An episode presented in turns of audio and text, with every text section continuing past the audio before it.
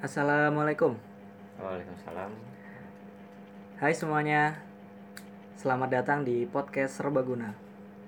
Terima kasih sudah mengunjungi podcast kami. Di sini gue sebagai orang yang bakal nemenin kalian nih di obrolan-obrolan podcast ini. Dan kebetulan ini episode pertama podcast dari Serbaguna. Sebelumnya perkenalkan nama gue Azam dan di sini gue udah sama teman gue dia bakal jadi narasumber di obrolan kita kali ini Hai Hai. Halo. Nama gua Rozak. Gua seorang graphic designer. Ya, itu. itu jadi eh, teman gue di sini biasa dipanggil Rojak dia seorang graphic designer Hmm. kenapa lo bisa bilang lo seorang graphic designer Rojak Eh ya ijazah gua desain grafis. gitu tapi tapi emang itu sih eh, simpelnya maksud gua kalau ketika lo lulus di IT atau lulus di seja lulus di se- di sekolah sejarah gitu ya lo jadi sejarawan atau enggak guru sejarah ya ketika gua lulus di jurusan desain grafis ya otomatis lo jadi seorang desainer grafis menurut gua walaupun profesinya nanti nah bukan. iya kan ada tuh yang sekolahnya apa Oh. kerjanya apa gitu itu sebenarnya gimana ya gua mikirnya Iya. kayak kan peminatan di suatu jurusan atau suatu prodi itu kan banyak banget gitu Hmm. ya dari desain grafis kita bisa mencar ke mana-mana gitu kita bisa kena karena kena visual gitu ke jadi user interface ya ke grafis lagi jadi ya bocah graphic designer gitu bisa bisa ke visual effect kadang-kadang kayak nyediain aset dan lain-lain gitu. Bisa nganggur juga ya. Oh nganggur apa lagi nganggur apa lagi ya jagonya nganggur. Jago. Eh, jadi tapi lo kesibukannya apa nih sekarang sebagai graphic design? Ya mungkin nger freelance sih ngerjain Freelance. ngerjain dari kayak agensi gue yang dulu. Hmm. masih dikasih kerjaan gitu terus Hmm. dari teman-teman. Berarti lo emang sedang tidak bekerja di satu tempat maksudnya ya sebagai karyawan gitu enggak? Oh enggak lagi enggak Enggak, emang sekarang lagi freelance atau itu bahasa kasar aja buat nganggur? Sebenarnya mungkin iya. tapi untungnya emang ada project Iya. masuk ya jadi jadi bisa mengatasnamakan diri sebagai freelance. freelance ya gue juga bisa tanpa project pun bisa. Freelance ya. Padahal mah serabutan. Serabutan desain Aja dikerjain, iya. serabutan. Heeh. gitu. Lo eh, perjalanan lo jadi seorang desainer grafis. Coba dong ceritain. Dari sebenarnya gue keluarga gue tuh sains semua tuh. Oh. Banyak yang kedokteran perawat gitu kan terus jadi yang ahli tanaman gitu. Cuman kebetulan gue masuk SMK multimedia gitu jadi tahu banyak hal mengenai desain grafis mengenai film mengenai dunia entertainment lah intinya Hmm. habis itu ya di SMK pun ada ada peminatannya di sana. Lo bisa jadi fotografer videografer atau yang visual effect atau graphic design. Jadi sekolah lo multimedia. Multimedia. Tapi di situ ada peminatannya lagi. Lo peminatan lo apa? Gue waktu itu kebetulan yang itu visual design. Desain Iya. ya ambil desain. Tuh lo SMK di di Garut. Di Garut. Tuh ternyata Garut ada SMK multimedianya. Wah.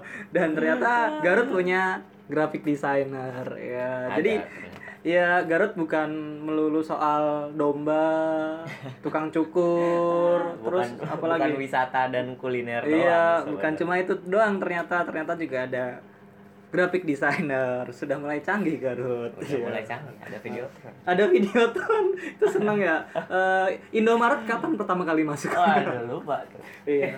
Atau jangan-jangan sekarang Garut baru booming ini ya apa namanya cappuccino cincau. Cappuccino. atau malah bubble. Bubble tea udah baru Iya. baru baru masuk. Baru masuk. Kayaknya bentar lagi masuk zamannya ini ya. Apa namanya? PS2 gue kira es krim pot es krim buat Eh, terus lu selesai dari eh, mana? SMK di Garut lu hijrah kan? Hijrah. Ke ke Jakarta. ke Jakarta. Karena kan daftar tuh gua kayak SBMPTN dan sebagainya.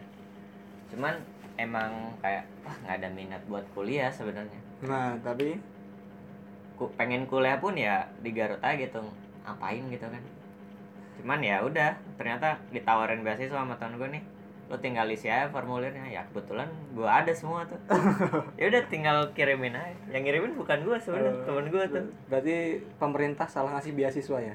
Sepertinya. Ngasih beasiswa ke seorang pemalas. Ya terus terus lanjut. Tapi jadi juga. Jadi juga kuliah. Oh jadi kuliah di Jakarta. Kuliah di Jakarta. Ambil graphic design dong. Ambil ya graphic kan? design. Iya. kalau boleh tahu di mana di Politeknik Negeri Media Kreatif Wih, gue sosok nanya lagi. Padahal gue temen sekampusnya dia, temen seangkatan. Sama graphic design juga. Oke. Eh, apa lagi ya? Oke. Lo eh kuliah kan? kuliah Ah, kan ya. ya kayak akademis lo lo punya pendidikan graphic design itu yang mempengaruhi lo eh apa ya hal yang utama dalam Hmm. pengaruh lo menjadi seorang graphic seorang graphic designer. designer secara profesi ya. Ah, tuh lo habis lulus? Habis lulus baru iya baru lulus kan? Baru, lulus 2018 Ah. kemarin. Eh, untuk memutuskan freelance kenapa lo jadi freelance? Sebenarnya dua bulan kemarin tuh bekerja. Bekerja di? Iya, agensi. Agensi ya di sebuah agensi lah di daerah Ragunan. Daerah Ragunan. Kenapa? Kenapa? Kenapa berhenti? Maksudnya. Bukan kenapa masuk oh, ya. oh ya harus kenapa masuk di agensi gitu. Ya kan karena mungkin bukan impian sih kayak ya sebuah life goal yang ingin gue capai gue pengen nyobain banyak hal gitu kan. Salah satunya bekerja di sebuah agensi gitu agensi desain. Dan ya udah daftar ya ternyata masuk gitu ya udah. Lu ngebahas life goal emang ada apa sih dari agensi itu? Kenapa lu mencita-citakan bekerja di agensi? Ini sih kayak lucunya ketika kita tahu dunia desain grafis dan lain-lain pertama kali di SMK gitu kan. Orang yang bekerja di agensi ya menurut gua lumayan keren gitu. Keren lah intinya gitu. Hmm. ya sangat sangat industri kreatif gitu bocahnya tuh. Oh jadi karena kehidupannya kreatif jadi keren gitu? Iya, Oke. dulu gitu kan Dulu. kayak gitu. Oke. Oke tadi lu bilang bekerja di agensi adalah life goal lu Iya. gitu kan? Tapi lu berapa lama di agensi? Dua bulan. Dua bulan. Dua bulan langsung cabut. Life goal macam apa itu? Seseorang tidak betah dengan life goalnya. Kenapa Jack? Banyak hal sih banyak hal. sebenarnya. Kenapa? Apa apa atau ternyata life goal lu nih yang selama ini lu bayangkan ketika lu menjalani ternyata tidak sesuai dengan apa yang lu bayangkan. Atau apa Mungkin- yang terjadi? sebenarnya kalau yang dibayangkan untuk ya ketika tahu kan kuliah tuh. Kuliah tahu banyak ya tahu dapat cerita dapat ya dapat insight dari banyak orang tentang dunia agensi dan dunia kerja gitu kan ya ternyata gitu kan. Yang pas kuliah pun udah tahu gitu agensi lumayan kadang-kadang gitu. Berat gitu jam Berat secara gitu. jam kerjanya. Secara jam kerja kadang-kadang kayak Hmm. work hour-nya nggak jelas gitu kan. Ya. Cuman karena ya tanggung gitu kan. Tanggung udah ya kayak life goal tadi life goal yang oh lu udah terlanjur menjadikan agensi itu life goal lu iya gitu ya? ya gini aja kayak udah dah tanggung aja. Cobain aja udah gitu terus cabut ya Cabut. cabutnya kenapa ya ternyata meskipun gua bisa ngimbangin dengan kerjaan yang hektik di agensi gitu Hmm. kadang-kadang mikir juga ini beneran yang gua kejar atau ini sekedar itu ini apakah ini life goal gua gitu Eh, jadi gue kadang-kadang mempertanyakan lagi hal itu Hmm. pas ketika masuk jadi apa ya eh berat-beratnya pekerjaan di agensi ini ternyata bukan life goal lu gitu. Atau kayak bukan gimana life goal sih. Mungkin karena agensinya kurang nggak terlalu gede gitu bukan Ah. agensi yang ternama gitu Iya, kan. dan secara ekonomi tidak tidak menjawab kebutuhan ekonomi lu mungkin. Iya mungkin seperti itu. Ya, balik jadi lagi ke kebutuhan iya, sih. nggak sebanding itu ya pekerjaan dengan hasil Iya. uangnya kadang-kadang waktu kerja lebih dari 12 jam cuman ya gajinya tetap ya segitu Cuk.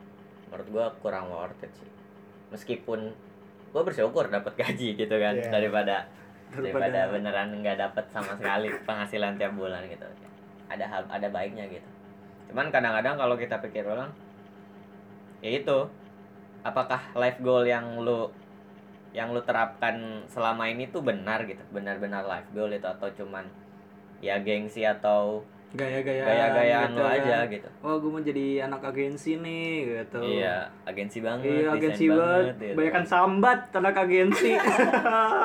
ngeluh mulu, ngeluh mulu. Waduh, makan life goal. emang kemakan sih sebenarnya Oke, oke. cuman ya bagian dari kehidupan Mm-mm, tuh.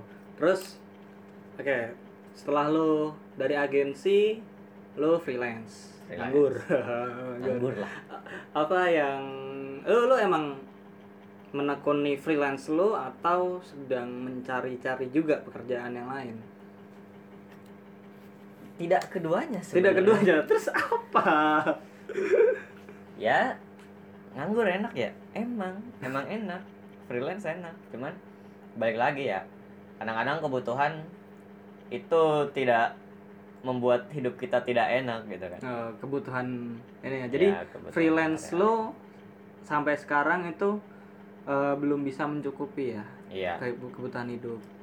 kalau cukup cukup. Oh, cuman cukup. belum bisa kayak ya udah poya-poya atau ngapain gitu. Hmm, Belum cukup. bisa bayar utang, kalau utang bayar. Bayar dikit, dikit. Oke oke oke. Eh, harapan lu sih, harapan lu apa ya? Lu jadi graphic design, lu pengen jadi graphic design yang kayak gimana sih? Atau lu malah udah eh, menjadi seorang itu di graphic design Hmm. sesuai apa yang lu harapin? Kan graphic design kan modelnya banyak nih. Ya. Yang idealis kah? Ada yang corporate banget kah? Hmm. atau malah justru graphic design yang membenci graphic design. Wah malah itu membenci ke- pekerjaannya sendiri Iya. gitu kan. Apa sih? Lu pengen jadi graphic design yang kayak gimana? Atau lu udah jadi sebenarnya? Kalau itu kan sebenarnya ya balik lagi tadi life goal itu kan. Dulu tuh kan awalnya pertama kali ya gua masuk kerja dapat dapat matkul gitu dapat materi dari dosen. Mikir oh jadi graphic designer yang beneran nerapin banyak prinsip keren juga ya gitu. oh jadi idealis lu prinsipal banget gitu Iya, soal desain Iya, gitu. soal desain. Kan tetapi ketika gua masuk gitu di ya dia kan sebelumnya masuk di sebuah e-commerce habis itu di agensi. Kadang-kadang nggak tahu belum siap, nggak tahu emang kapasitas kita yang kurang gitu. Mengenai apa yang kita bangun gitu. Padahal untuk diskusi bersama ya orang yang kliennya gitu. Kadang-kadang diskusi, cuman jarang menemukan titik tengah yang benar-benar itu desain yang kita mau dan itu desain yang klien mau jadi eh, mungkin gini gua nangkapnya adalah lo sebagai graphic design kan lo menguasai eh, lo mungkin gua ngeliat lo sebagai fundamentalis ya fundamentalis desain jadi lo ya prinsip-prinsip desain tuh harus ada ya eh, apa namanya SOP atau eh, sistem pengerjaan Iya, gitu kan alur workflow. pengerjaan workflow gitu itu harus pakemnya seperti ini harus Hmm. seperti ini gitu kan tapi ketika lo masuk di dunia industri dunia pekerjaan lo bertemu Hmm. dengan klien ternyata mereka tidak peduli dengan hal itu itu nggak bukan? Seperti itu seperti itu ya. Jadi lo eh, mengeluhkan atau apa tuh? Mengeluhkan hal itu? Sebenarnya kalau mengeluhkan ya orang pasti ngeluh mulu. Cuman Hmm. gue mikir kadang-kadang oh emang mungkin seperti ini kayak eh, tata cara yang berlaku di sini gitu kan. Nah, atau oh mungkin lu oh baru tahu gitu ya mungkin ya. Oh ternyata gini loh dunia kerja. Sebenarnya sering kita lihat tuh kalau misalkan kita buka desainer meme dan lain-lain gitu ya, kan. Itu kan kayak jokes-jokes yang Iya. dibikin desain orang. humor apa sih? Iya, desain humor dan Desain lain-lain. humor ya, desain humor. nggak tahu gue juga. Itu udah kelihatan banget gitu apa yang apa yang sebenarnya terjadi gitu. Cuman kadang-kadang gue sendiri kan sebagai akademisi gitu kadang cukup kecewa aja gitu kayak wah beberapa beberapa hal yang gue pelajari di kampus gitu yang yang gue baca di buku dan gue ikut seminar di mana-mana gitu Hmm, atau ikut pameran desain grafis gitu Iya. kan jadi nggak kepake gitu oke. Eh, berarti apa nih yang lu pengen jadikan di diri lu apa? Grafik, gue pengen jadi graphic designer yang eh bisa nerapin fundamental desain ke semua klien gue gitu. Lu gue Hmm. pengen punya studio yang emang desain banget gitu kan. Nggak kayak agensi-agensi yang Oh. emang nurutin klien aja gitu. Misalkan kan banyak tuh. Iya. dan apa sih cita-cita lo? Kalau gue jujur kalau untuk sekarang gitu ya graphic design tuh ya sebagai pekerjaan gitu. Bukan sebagai yang benar-benar fundamentalis yang konservatif tentang desain dan yang Hmm. menerapkan hal-hal yang banyak itu ya sebagai pekerjaan aja itu sebagai cara kita mencari materi. Sekarang ini? Untuk sekarang. Untuk ke depannya lo udah berpikir atau apa gitu? Gue sebenarnya pengen ngebangun sebuah brand dan lain-lain lah. Oh jadi eh untuk ke depannya lo juga punya cita-cita lo punya produk iya. lo bisnis mm-mm. gitu. Hmm. oh ya kan gue tahu lo kemarin sempat pameran di Jakarta 32 Yoi. lo sebagai peserta dari program Tarkam Tarkam, Jadi Tarkam kampus. guys, Tarkam itu adalah program dari Jakarta di 32. Kalau yang udah tahu, kalau yang belum tahu cari sendiri, gue masih jelasin ya. Jadi Tarkam ini adalah program eh, tarung kampus ya, tarung, Tarung kampus. Jadi kampus-kampus di Jakarta diadu ide kreatifnya ya, iya ide kreatifnya untuk eh, untuk apa aja? Untuk pameran mungkin Untuk- kasarannya. ya itu untuk pameran untuk kan pameran kasarannya ya. Dan Rojak kemarin eh, jadi salah satu pesertanya. Uh, walaupun sudah tidak menjadi mahasiswa. Iya. pamerannya pas sudah lulus. Padahal programnya antar kampus, Antar kampus. iya jadi dia bersaingnya sama orang-orang yang masih mahasiswa. Ngecit ya? Ngecit ngecit. Lu udah lulus juga. Uh, ikut kegiatan mahasiswa. Curang nih. Ya. Apa? Yang lu capai di situ apa sih? Lu ken- alasan lu ikut pameran itu dan yang lu pamerin tuh apa waktu itu ya alasan pameran ya pengen sombong pengen sombong iya jadi Jadi kan namanya pamer gitu Iya benar-benar pamer. Jadi orang-orang yang ikut pameran adalah orang-orang yang tidak punya kerendahan hati. Hatinya tinggi semua dia. Wah, orang-orang sombong. orang-orang sombong Dia lihat aja nanti habis pameran sambar petir. petir bel petir belok. Enggak saya kayak kalau pas pameran tuh kan untuk desain grafis sendiri ya di akademis pun kita belajar tentang sejarah dan sejarahnya pun bukan tentang sejarah desain kan awalnya pasti tentang sejarah seni gitu Hmm, oh seni. ya kesenian dipakai dari dulu ya untuk banyak hal gitu yang fungsinya tuh sama kayak sekarang gitu yang nggak berubah gitu Oke. Terus kaitannya sama pameran lo? ya karena ya kesenian tuh hal-hal yang hal yang menurut gua harus dipelajari bagi gua gitu kan. Sebagai graphic designer. Ya, hmm, enggak atau emang semua orang harus belajar seni ya, seenggaknya tahu. seenggaknya sejarah lah. Oke. kalau kalau seni-seni banget enggak. Seenggaknya sejarah gitu. Bagi bagi graphic designer sejarah kesenian gitu. Dan sejarah di desain tuh perlu tahu lah. Sangat sangat diwajibkan tahu menurut gua gitu. Oke. Setelah itu ya kenapa gua ingin pameran ya waktu itu waktu mahasiswa lagi semangat ide dan tenaganya itu Iya. sangat menggebu-gebu gitu Padahal waktu lu daftar itu masih mahasiswa ya kan, lu masih Mahasiswa. mahasiswa dan pada saat itu kita sedang tugas akhir. ya sedang Iya, kan? tugas akhir Ya. saking banyaknya energi gitu kan energi yang mantap Energi positif Ener- apa aja dikerjain. apa Padahal dikerjain Teh hampir gak lulus. padahal teh hampir nggak kelar gue tuh ya udah cobain aja daftar kebetulan kan gua ada sebuah ide yang lumayan digodok udah lama tuh Oh iya ya tuh. Coba gimana aja idenya? ide tuh se- sebenarnya dari username game username Instagram gua yang sekarang gitu Hmm. kan yang kagak gua ganti dari SMA kelas. Atau lupa bikin Instagram SMA kayaknya gua. Telat Hmm. emang. Gue juga SMA kok. 2015an awal kayaknya. Hmm. ya itu gue kan kayak dari dulu tuh sering ngalamin hal yang kayak ya penolakan gitu kayak. Kadang-kadang gue melakukan sesuatu sama orang lain gak ditolak gitu kayak. Enggak nggak penting. Padahal ya gue bukan alasan itu penting dan nggak penting sebenarnya kayak ya udah gue pengen ngelakuin hal itu aja gitu. Bukan nyari atensi dari lu juga gitu kan. Ya mungkin dari hal-hal yang seperti itu gue ya udah dah. Gue jadiin aja gitu kan. Gue jadiin gitu.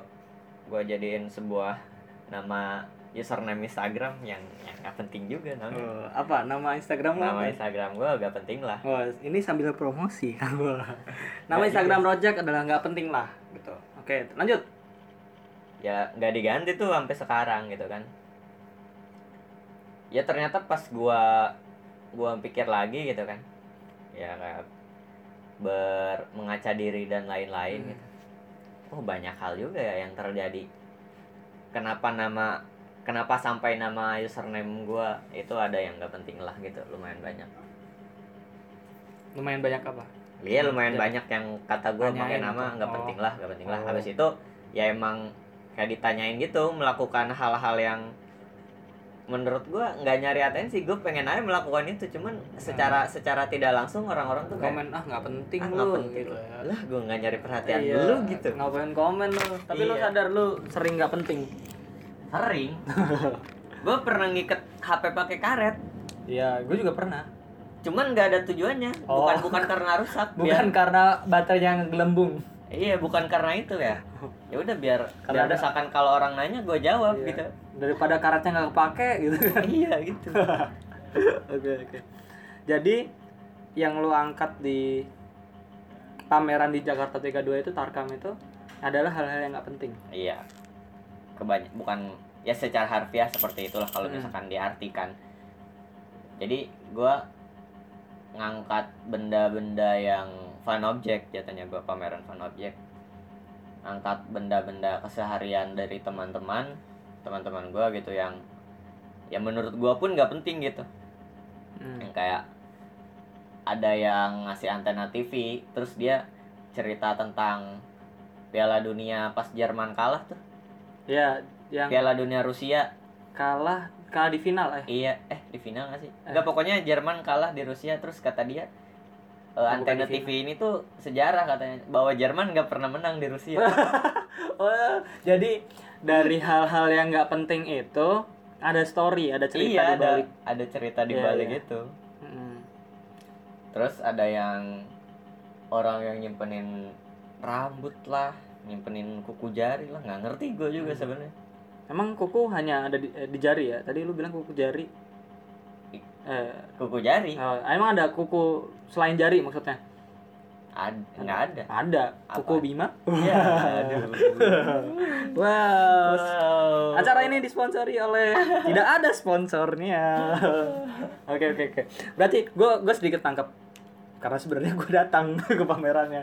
Jadi Rojak ini datang eh datang apa punya pameran memamerkan font objek ya objek-objek atau barang-barang benda-benda yang eh, menurut orang umum ini hal-hal yang nggak penting gitu loh untuk Mm-mm. untuk dikumpulkan untuk disimpan gitu. Tapi Rojak mengambil ide ini untuk dipamerkan gitu jadi ternyata hal-hal yang nggak penting menurut halayak umum itu bisa jadi penting untuk seseorang. Iya. Ya gitu kan terus yang diangkat adalah cerita dari benda Dari itu benda ya kan tersebut. nah, lu mengumpulkan benda-benda itu dari beberapa dari beberapa kontributor ya Ya. kan lu angkat ceritanya lu karena itu menarik ya Hmm. kan oh ternyata ada loh benda yang menurut kita nggak penting tapi menurut orang lain penting entah dari sisi historikalnya entah dari eh kegunaannya gitu siapa tahu kumpulan kuku jari bisa apa ini pernah menyelamatkan hidup seseorang kan kita nggak tahu. Iya.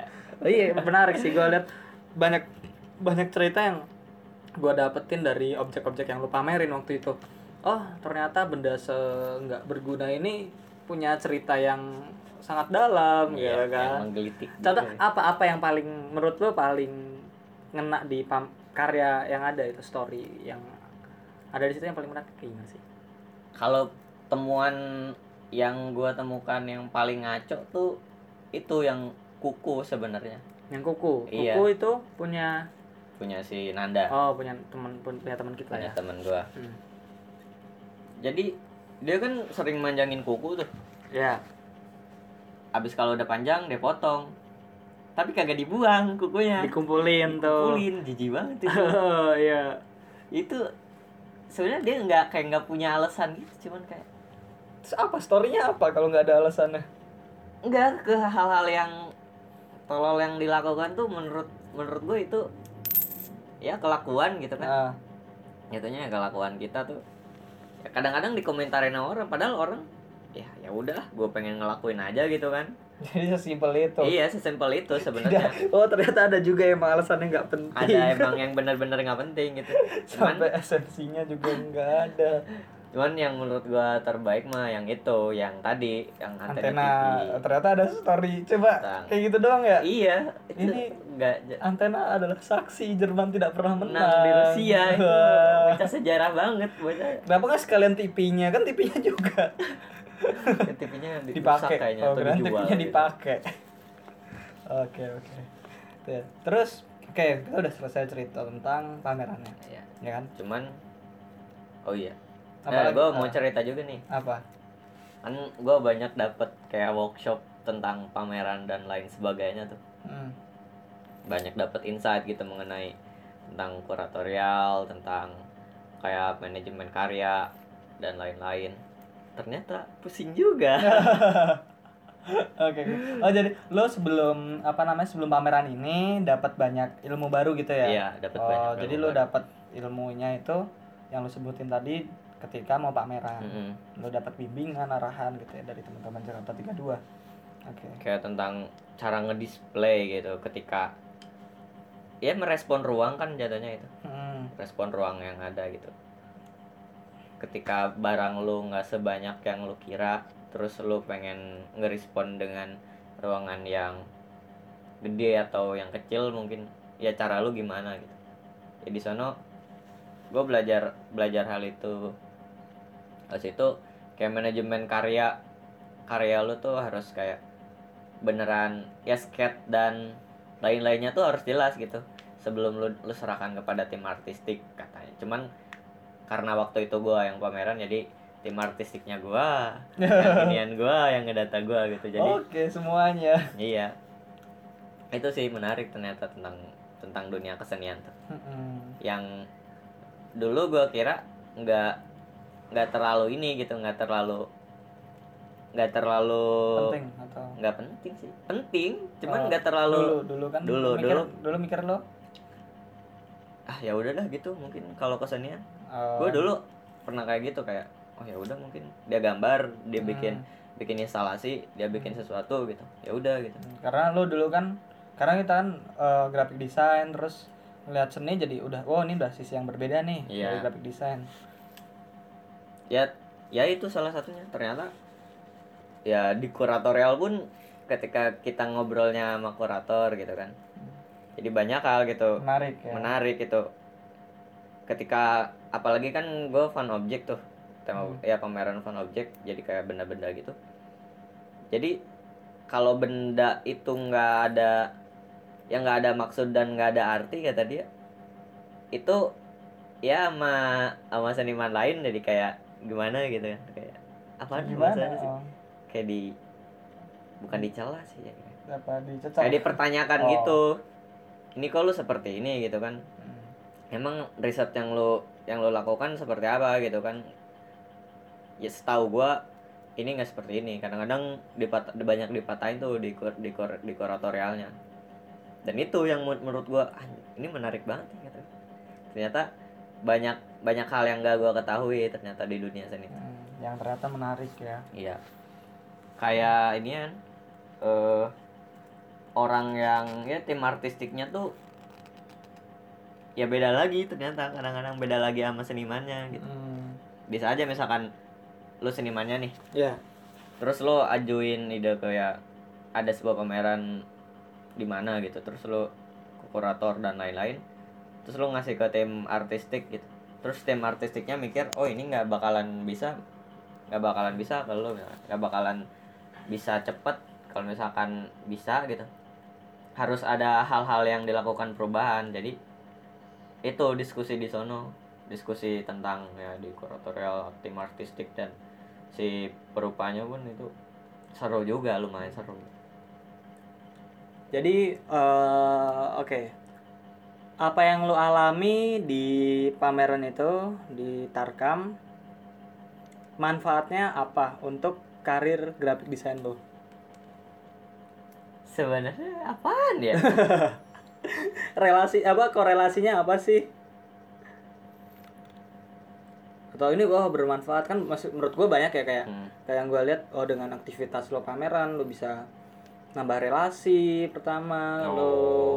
Kan ya banyak hal nggak harus yang detail banget Iya. oh gitu bisa jadi lo oh ini bakal ngasah eh apa namanya ngasah daya ini gua nih Hmm. atau apa gitu ya mungkin bener sih yang pertama didapatkan ya itu temen gitu. temen Teman. baru gitu kan yang ilmunya beda yang eh, ketertarikannya beda dan yang kayak isi pikirannya beda menurut gue dapetin orang yang kayak gitu itu hal-hal yang sangat luar biasa gitu hal yang hal yang keren gitu. Lu ketika lu dapet temen yang wah keren nih doi dia bikin sesuatu nah itu yang pertama. Terus abis itu untuk kehidupan desain mah itu pasti relasi gitu kan. Kadang-kadang ya dari ya dari acara tersebut dari acara itu gue kan ketemu orang baru tuh yang kayak yang di kampus mana gitu datang ke pameran gue terus ngobrol dan lain-lain gitu. Terus dia juga punya ya punya ketertarikan di dunia seperti ini gitu. Hmm. terus untuk di desainnya sendiri menurut gue untuk kesenian tuh ya pasti pakai pasti kepake gitu kayak lu nata sesuatu gitu. Hmm, kan kayak nge-layout. ah, kan sebenarnya kayak teorinya tuh nggak jauh beda gitu nggak jauh beda mengenai mengenai layout di kesenian dan di desain gitu. Ya pasti biar mata yang mata pengunjung ya enak. Ya meskipun ada beberapa beberapa karya yang ah ini biar susah pengunjungnya gitu kadang-kadang ada yang nilainya kayak gitu ah. yang kon- tergantung konsep. Cuman kan kalau gue nggak nggak sampai kayak gitu banget gitu. Kalau gue ya udah biasa aja gitu kayak yang ya melatih itu melatih visual gitu. Hmm ya ya oke oke. Terus ya kayak kan dikasih cerita juga kan kalau gue sendiri kan dikasih cerita juga tuh sama teman gue terus gue bikin ulang ininya. Ya itu kayak ya kayak copywriting sebenarnya. So lo belajar nulis. Iya belajar nulis juga gitu. Ya sih maksudnya gue juga ngerasain eh, sebagai graphic design kadang kita kesulitan soal copywriting sih soal nulis gue ketika tugas-tugas SM, eh, SMA tugas kuliah tuh bikin poster. Oke visualnya paham harus kayak gimana tapi tulisannya apa ya? apaan iya gitu ya? bacaannya Iya. apaan? Gue nggak tahu gitu. Itu kesulitan kita sih. Eh ya udah udah cukup lama gue ngobrolin apa aja soal desain yang terjadi di Rojak. Itu eh gue cukupkan. Terima kasih buat Rojak terima kasih buat serbaguna ya terima kasih buat teman-teman yang udah dengerin sampai akhir. Nantikan podcast podcast kami selanjutnya. Eh, apa? Ya udah. Cukup. Wassalamualaikum warahmatullahi wabarakatuh